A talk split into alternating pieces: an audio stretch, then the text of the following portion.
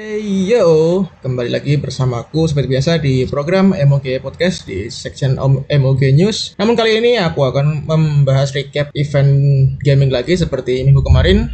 Nah kemarin baru aja selesai perhelatan Summer Game Fest dari Gia Fingsley dua jam sendiri ya teman-teman. Eh cukup melelahkan ya. Tapi beruntung kalau kalian bisa di sini karena aku di sini akan menjelaskan versi recapnya yang mungkin hanya 10 menitan. Jadi dar- daripada kalian kemarin nonton kemudian ketiduran kemarin kayak gimana? Ya karena kan event sendiri jam 2 eh, jam 1 pagi kalau nggak salah jam 1 satu tengah malam dan aku juga udah nonton live cukup menarik wa- walaupun ya ada beberapa game yang ya biasa aja sih. Apalagi kalau reveal-nya tuh yang biasa aja. Tapi di sini kalau kalian ketinggalan atau nggak tahu kalau ada Summer Game Fest sudah di sudah selesai di sini kalian akan kuberikan recap untuk Summer Game Fest 2022 jam 1 pagi dini hari kemarin. Oke tanpa berlama-lama lagi mari kita segera masuk ke intro kemudian ke berita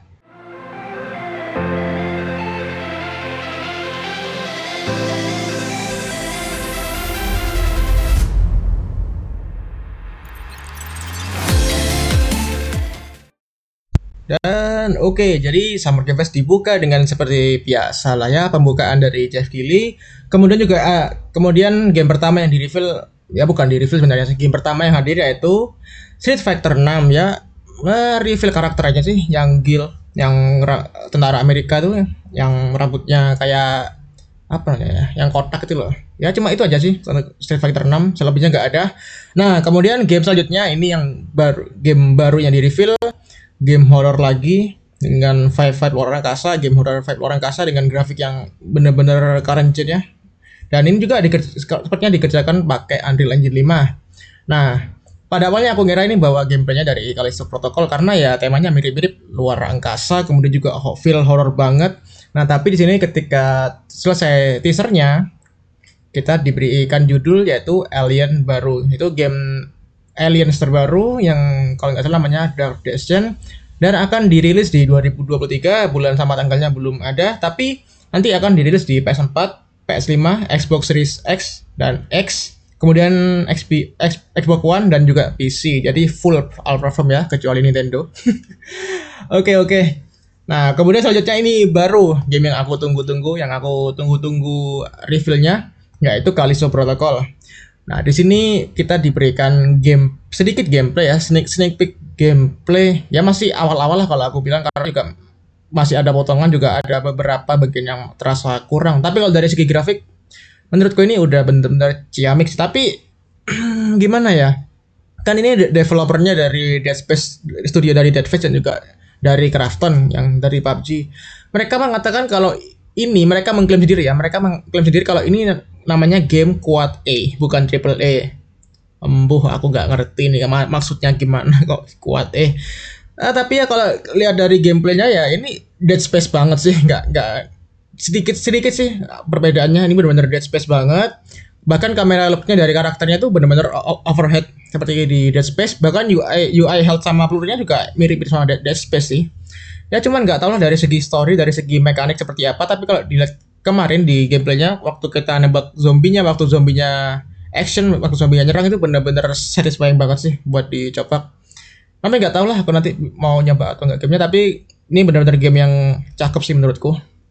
Dan oke, selanjutnya ini yang paling panjang sebenarnya dan juga yang paling gede budgetnya mungkin. Yang nggak lain nggak bukan yaitu Modern Warfare 2 dari Activision. Kita di sini diperlihatkan 7 menit gameplaynya, bener-bener gameplaynya yang di salah satu campaignnya yang Dark Water yang kalau nggak salah ngambil kilang minyak kalau nggak salah itu. Ya kayak showcase sinematik aja sih kalau menurutku.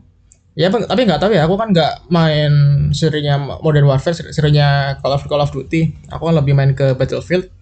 Cuman kalau dari sisi grafik ya, hmm, ya cakep sih sinematik. Tapi nanti ya nggak tahu lah kayak gimana dari overall quality-nya.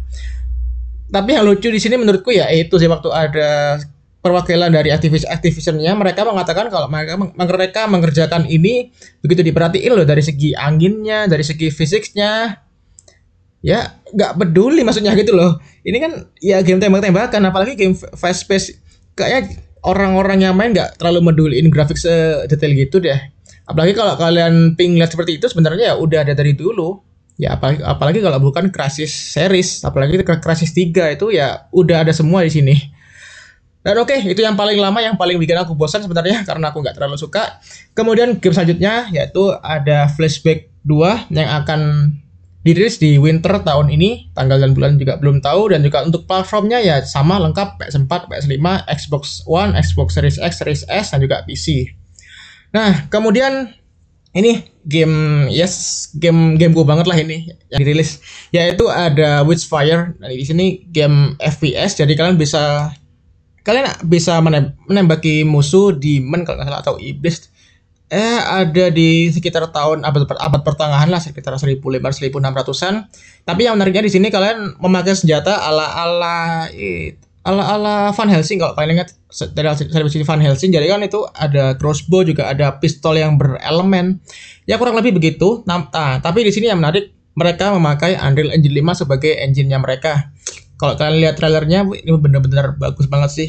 Tadi kan kalau kita ngelihat trailer belakangan ini kan game-game Unreal Engine 5 itu yang digunakan untuk game horror yang tone-nya lebih gelap, lebih mencekam. Nah, di sini kita diperlihatkan tone yang lebih fresh ya, yang lebih open world ya yang di dunia luar yang benar-benar cerah gitu dan perpaduan warnanya dan warnanya benar-benar bagus banget sih di sini untuk Engine 5 dan selanjutnya lagi game bertema luar angkasa bertema futuristik yaitu Fort Solis yang ada Troy Baker dan juga Roger Clark sebagai salah satu castingnya di sana. Cuman untuk gameplaynya masih belum diperlihatkan dengan jelas sih kayak apa mereka mau ngasah gameplaynya. Oke, Selanjutnya ada first look dari Rutin. Ini franchise baru, IP baru. Dan di sini menariknya ada Mick Gordon yang akan mengisi untuk musiknya. Nah, kalau kalian nggak tahu Mick Gordon, Mick Gordon itu adalah salah satu komposer untuk serial musik musiknya untuk Doom, Doom series. Ya, musik-musik metal elektronik banget lah. Jadi Mick Gordon ini namanya udah melambung tinggi. Nah, di sini juga Mick Gordon di game rutin ini sendiri gamenya ya game horror lah lagi ya game horror. Jadi Summer Game Fest ini banyak game horror sih apalagi kalau disambung sama kemarin pada intinya tahun akhir tahun ini dan juga awal tahun depan tuh akan banyak game horror yang akan dirilis terutama untuk game horror sci-fi yang luar angkasa yang bertema futuristik.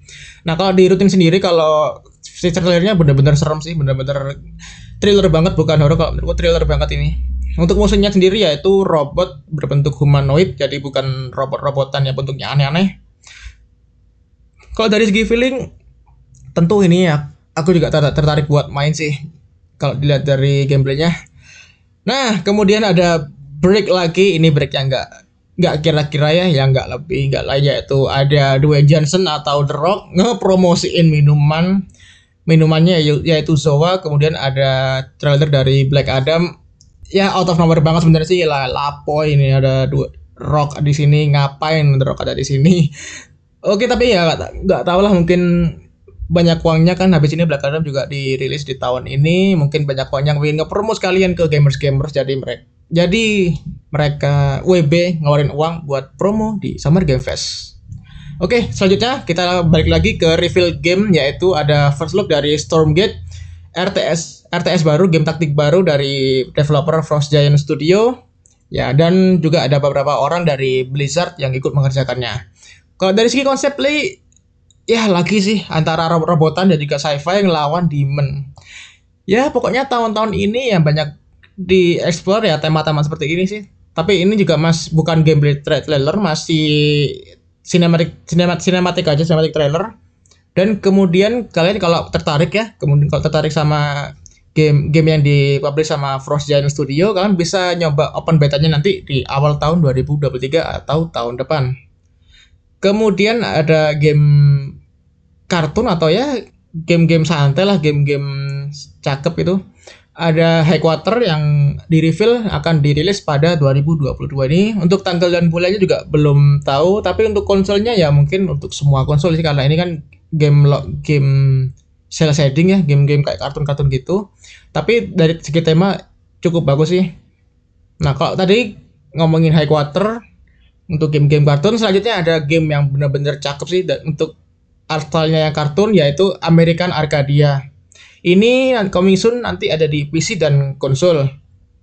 Nah ini kalau untuk ini aku benar-benar tertarik. Kalian wajib sih kalau menurutku buat ngecek trailernya.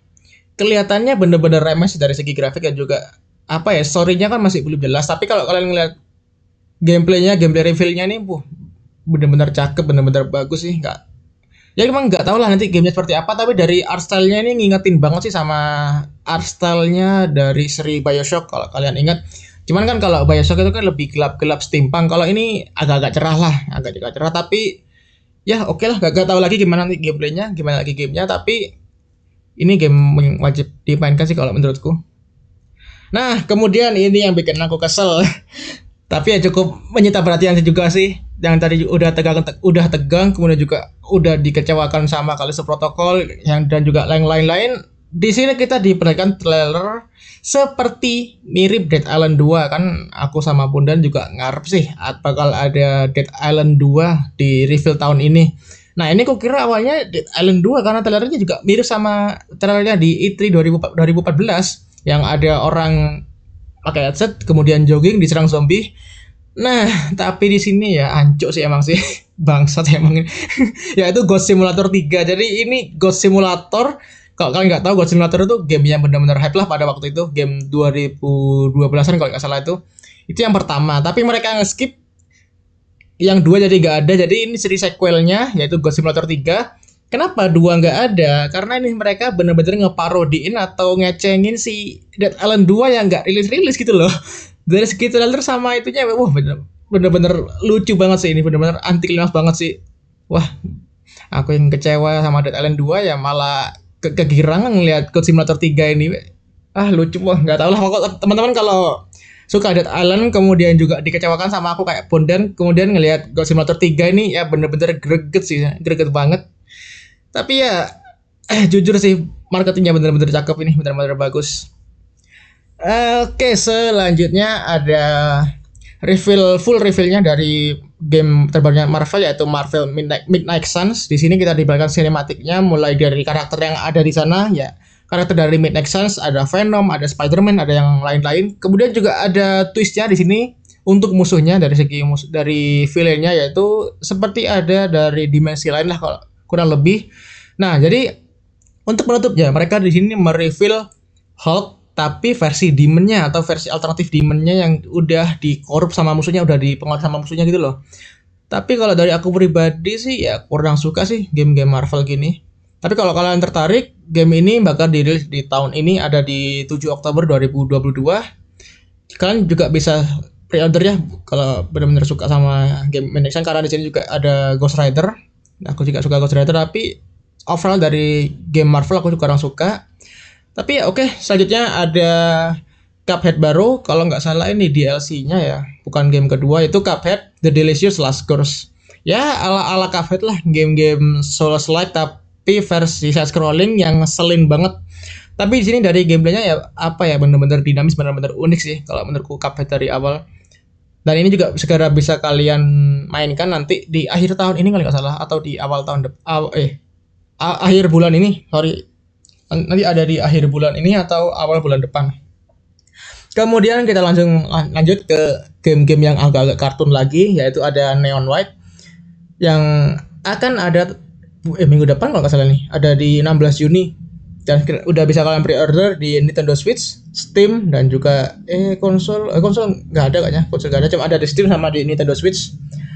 Untuk gameplaynya ini kurang lebih sama ya FPS main kartu fast pace lah gitu.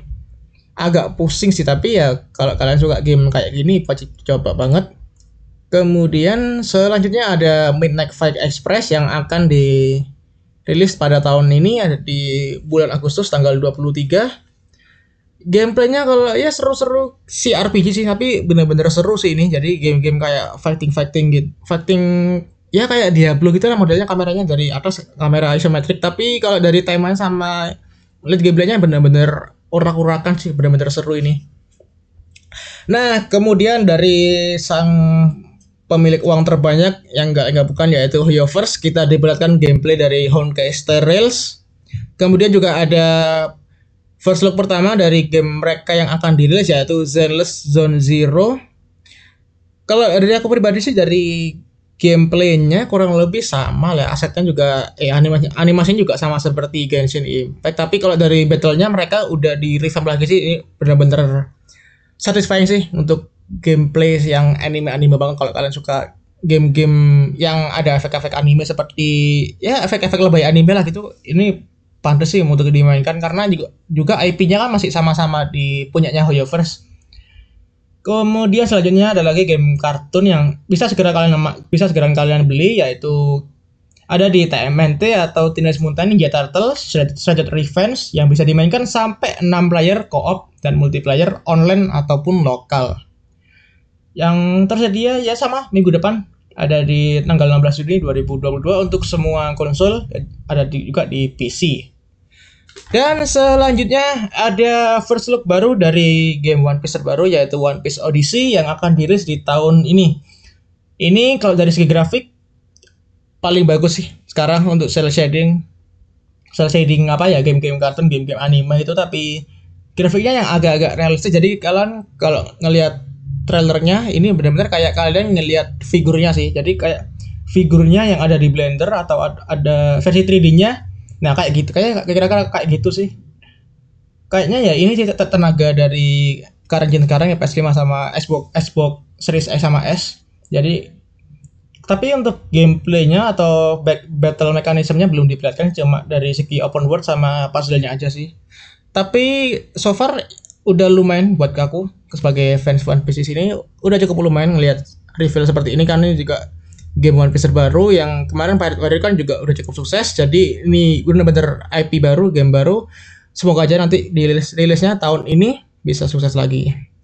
Kemudian masih ada di game anime kepunyaan dari Atlus yaitu Soul Seeker 2 juga akan mendapatkan English dub yaitu ya daripada Japanese dub. Kalau kalian nggak terlalu suka Japanese dub bisa kalian ubah ke versi Inggrisnya. Dan untuk versi Inggrisnya ya cukup menarik juga di sini Kemudian lanjut aja selanjutnya. Oh ya kalau teman-teman ngerasa ini terlalu cepat ya mohon maaf juga karena juga nge apa ya ngebatasin durasi lah karena ini gamenya benar-benar banyak untuk eventnya aja udah dua jam lebih ini eh dua jam pas ya hampir-hampir dua jam lah Oke, aku terusin aja ya. Kalau gitu, selanjutnya ada Metal Hellsing Hellsinger yang akan rilis di tahun ini, tapi tanggalnya belum ada kayaknya. Ya kalau kurang lebih game FPS seperti Doom tapi pakai lagu metal dan sedikit rhythm. Jadi game rhythm. Jadi lebih ke BPM-nya atau beat per menitnya. Cuman sistemnya ya kurang tahu tapi demonya kayak kalau nggak salah udah bisa di download sih ini untuk demonya. Ya mungkin aku akan main demonya karena penasaran sih game FPS tapi rhythm itu kayak apa. Ya kalau intinya kalau kalian suka genre musik metal seperti aku kayak suka, suka SOD, kemudian juga suka Trivium, kemudian su suka Ark Enemy, kalian ya bisa mainkan game ini kalau menurutku sih karena ini benar-benar game sangar ya. Kalau kalian nggak suka Doom yang musiknya terlalu elektronik di sini ya benar-benar game metal yang non elektronik lah masih metal-metal klasik gitu. Nah, kemudian ada new look baru atau first look baru dari Night Ingale. Nah, ini game kesukaanku. Ya, ini yang ngebuat mantan bosnya dari BioWare. Nah, jadi dia di sini ngebuat game baru ya sama sih. Kalau kalian lihat feelingnya ya ini juga feeling feeling Dragon Age Inquisition banget sih kalau dari aku ngelihatnya dari segi grafik dan juga seri asalnya. Tapi kalau dari gameplaynya ini agak berseberangan sih. Jadi kayak city building, crafting dan juga agak-agak sandbox. Cuman nggak tahu dari segi actionnya ini di apa ya difokuskan apa enggak atau cuma difokuskan ke bikin-bikin base-nya tapi ya aku pengen nyoba sebenarnya sih kalau dari ini. Tapi kalau kalian teman-teman ragu kalian bisa nonton juga sih untuk trailernya yaitu Night Ingale yang akan dirilis di tahun depan kalau nggak salah atau tahun ini karena tanggalnya nggak ada aku lupa. Kemudian selanjutnya ada lagi first look dari Saints Row terbaru. Ya kalau kalian nggak tahu Saints Row itu sebenarnya game klasik yang di reboot sekarang. Untuk reviewnya kalian juga udah bisa lihat sih di YouTube ada berbagai macam review dari develop eh dari reviewer lokal maupun reviewer barat. Tapi kalau dari aku pribadi hmm, kurang terlalu suka sih kalau game seperti ini. Tapi kalau kalian butuh penyegaran lah daripada nggak ada GTA 6, kalian bisa lah main Saints Row ini. Apalagi kalau kalian udah punya PS5 karena grafiknya udah bener-bener cakep, bener-bener bagus. Ya bisa kalian download nanti di PS5. Di PC juga ada tapi hanya lewat EGS atau Epic Game Store. Kemudian kelanjutan dari seri game Warhammer Vermintide kalau nggak salah yaitu Warhammer Dark Tide masih sama kita diberatkan dengan teaser trailer yang benar-benar satisfying. Jadi kita kayak ya kayak Dead Rising lah banyak gitu. Jadi benar-benar satisfying banget kalian kalau nyerang-nyerang musuhnya kemudian musuhnya di brawl kena bom dan seperti apa dan sebagainya. Wes pokoknya Warhammer selalu apa ya IP Warhammer itu kalau membuat game meskipun beda-beda studio tapi mereka selalu ngebuat game yang konsisten loh dari segi kualitas dan segi ya gameplaynya mesti bagus bukan hanya dari RTS aja. Kayak seperti Vermintide ini kemudian ada dari Bluebird Team yang kemarin di dirumorkan bahwa mereka mengerjakan Silent Hill Remake 2 nah tapi nyatanya di sini mereka mengenal Layers of Fear versi remake. Eh, kalau nggak salah kan dulu ada sih ya Layers of Fear itu. Tapi di sini mereka ngerilis versi barunya versi remake remake-nya yang akan dirilis di tahun 2023 jadi bener ya tahun ini akhir tahun sama awal bulan depan itu akan banyak game horror dan juga game thriller untuk current gen ya kalau kalian penyuka game horror seperti aku ya ini benar-benar tertarik sih. Benar-benar oh, maraton jantung sih kalau kalian mau main ini semuanya nanti. Dan kemudian ada reveal baru dari Gotham Knights dan juga ada interview sedikit-sedikit untuk Gotham Knights. Kalau kalian suka DC, kalau kalian suka gamenya Arkham Knight ya cocok lah kalau kalian mau mainkan Gotham Knight karena ini bener-bener next gen experience banget. Ya walaupun cuma rilis di next gen ya di PS5 sama Xbox One ya gak tau lah tapi dari segi grafiknya ini ya bener-bener harus dirilis di PS5 sama current gen sih. Karena saya kalau dirilis di PS4 ini karena kan gelap pasti lightingnya lebih bagus kalau nanti ada di current di next gen di current gen sekarang kemudian nah ini baru akhir yaitu The Last of Us remake part 1 dan ini sebenarnya yang paling panjang untuk terakhir kak. Karena aku ngira nanti bakal ada reveal lagi tapi ya penutupan dari Summer Game Fest ini ada The Last of, The Last of Us dari Naughty Dog. Mereka juga nge sedikit nge-teasing game baru dari Naughty Dog yang uni universe-nya ada di The Last of Us tapi yang ini yang dirumorkan kemarin-kemarin nanti bakal ada The Last of Us tapi versi multiplayer tapi ini standalone game jadi nggak ngikut ke The Last of Us 2 maupun The Last of Us Part 3 nanti kalau misalnya ada. Jadi ini game standalone baru benar-benar baru multiplayer nanti punya story sendiri dan juga punya karakter tersendiri. Jadi anggapannya kalian ngambil set settingan dari The Last of Us, The Last of Us untuk world buildingnya kalian buat game baru dari sana. Jadi kalau Ellie sama Joel itu gak ada di sini tapi mereka juga masih berkaitan lah di sini. Tapi belum ada info info lagi sih untuk ini. Dan ya terakhir ya, itu tadi The Last, of Us, The Last of Us Part 1 remake nanti akan ada di PS5 dan juga ada di PC tahun ini kalau nggak salah. Tapi ya ah itu aja sih. Belum ada info tambahan lagi.